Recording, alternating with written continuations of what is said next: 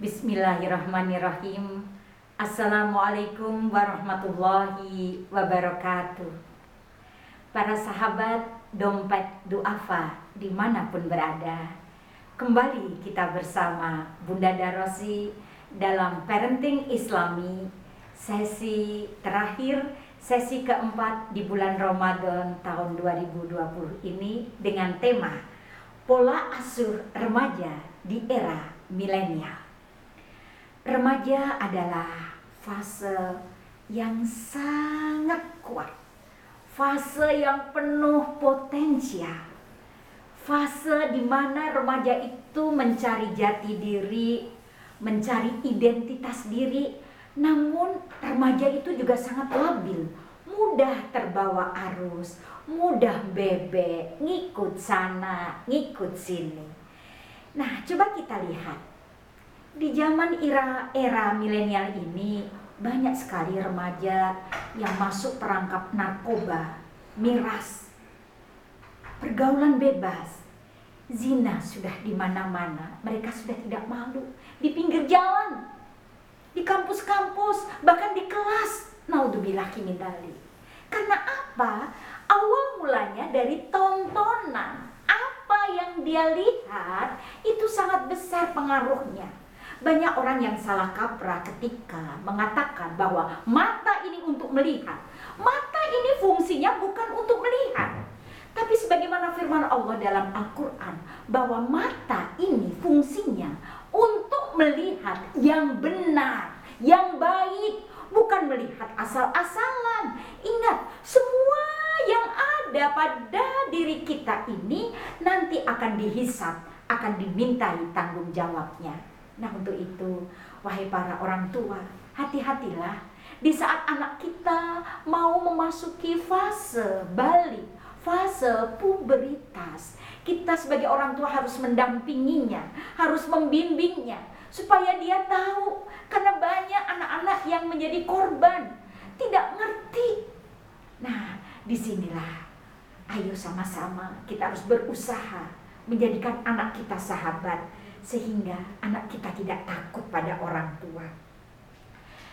Problematika remaja di era milenial ini sangat banyak.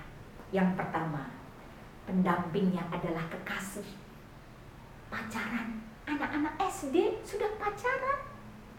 Anak-anak SMP, ya Allah, hal yang biasa bahkan ada kasus ketika anak SMP menghampiri anak SD. Sekarang balik ini 9 tahun aja sudah balik, sudah head. Sementara tontonan mereka begitu mengerikan. Pornografi, porno aksi sudah begitu mudah didapat di mana-mana dan ini merusak yang namanya otak kemuliaan yang ada di atas lapis ini. Cairannya sudah ya Allah ke mana-mana sehingga anak kita terjebak yang namanya pornografi. Dari hasil penelitian, pornografi ini lebih berat daripada narkoba. Karena apa? Pornografi orangnya sehat. Dia juga kepingin ke stadium yang lebih tinggi. Sementara narkoba badannya lemes, stadium lebih tinggi, ya udah paling korban dia mencuri atau mengambil atau apa. Tapi kalau pornografi pasti dia ingin praktek. Siapa yang untuk praktek? Ya pacarnya, tidak laki-laki tidak perempuan yang namanya tontonan itu merusak. Pacarnya nggak ada dia beli alat. Ada lagi yang dengan binatang. Naudzubillah mindali kemudian kita lihat problem berikutnya di fase-fase remaja adalah pendampingnya gadget. Bangun tidur gadget. Mau tidur gadget. Mau sholat gadget. Mau makan gadget. Ya Allah semuanya gadget. Habis sholat bukan tiket tapi gadget naudzubillah mindali Nah, kemudian problem berikutnya adalah banyak remaja yang gila games, film, drama Korea, konser, ya kan? Nah, ini dari mereka terjebak yang namanya fun hidup adalah senang, fashion, food. Ya. Kemudian remaja ini suka banget mencoba-coba. Nah, di sinilah peran orang tua jangan sampai anak-anak remaja kita hanya mengikut tradisi sosial media ini sudah menjadi panutannya ya Allah Nah, kita lihat banyak warnet-warnet yang mesum, ya pacaran, hubungan tanpa status, naudzubillahi min dalik. Udah jelas pacaran itu haram. Iya kan? Tapi yo kita lihat ngeri banget. Anak saya sih bilang, "Bun, pacaran itu wajib." Saya waktu itu bingung. Bayangkan aja lagi ngisi di acara anak saya bilang pacaran pacaran itu wajib. Ya Allah, Bunda jangan keburu dulu emosi. Coba kita eja sama-sama. PA pelajari Al-Quran. C-A-N, cintai Allah dan Rasul. A-N, amar ma'ruf nahi mungkar. Wah, kalau pacaran itu sih emang wajib.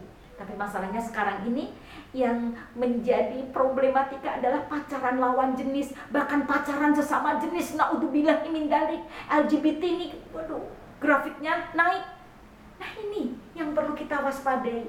Makanya di sini harus orang tua ini memberikan sex education kepada anak-anak kita ya karena apa mereka menganggap alam cinta dan seks remaja itu sama daku milikku engkau milikku ya Allah naudzubillah min dalik pacaran itu kredit jina ya ada jina mata jina telinga jina lisan jina tangan jina kulit kebablasan hamil banyak kan orang yang hamil duluan sebelum nikah. Ya Allah, aborsi meningkat. Mau dibilang ini tadi. Nah, di sini ayo sama-sama kita benahi. Karena anak-anak ini adalah aset yang luar biasa. Ya Allah, jangan sampai mereka terjebak hidup menurut selera dan keinginannya. Tapi hidup itu adalah sesuai dengan syariat, sesuai dengan tuntunan sehingga insya Allah akan banyak mendapat keberkahan, insya Allah akan banyak kemudahan. Nah di sini dibutuhkan adanya keakraban dan komunikasi yang baik agar anak tidak lari dari rumah. Karena dari survei banyak anak-anak remaja yang lebih suka di luar daripada di rumah. Karena ayah yang otoriter, ibu yang galak. Nah yuk perbaiki. Dan Alhamdulillah insya Allah Mudah-mudahan corona sudah hilang. Nanti di bulan Syawal, Bunda dengan dompet duafa juga akan mengadakan sekolah keluarga dari pranikah. Ya mudah-mudahan anak-anak kita insya Allah akan terbina. Jadi ngerti ilmunya. Jangan asal nikah. Jangan SOB setelah orang betah. Wahai para orang tua, rangkul anak-anak kita. Jadikan dia sahabat kita. Didik sesuai dengan syariat. Hidupkan yang sunnah-sunnah dan bersahabat juga dengan Al-Quran. Tadaburi, baca, pahami, amalkan, hafalkan, dan dakwahkan Al-Quran. Semoga insya Allah kita akan selamat dunia dan akhirat. Assalamualaikum warahmatullahi wabarakatuh.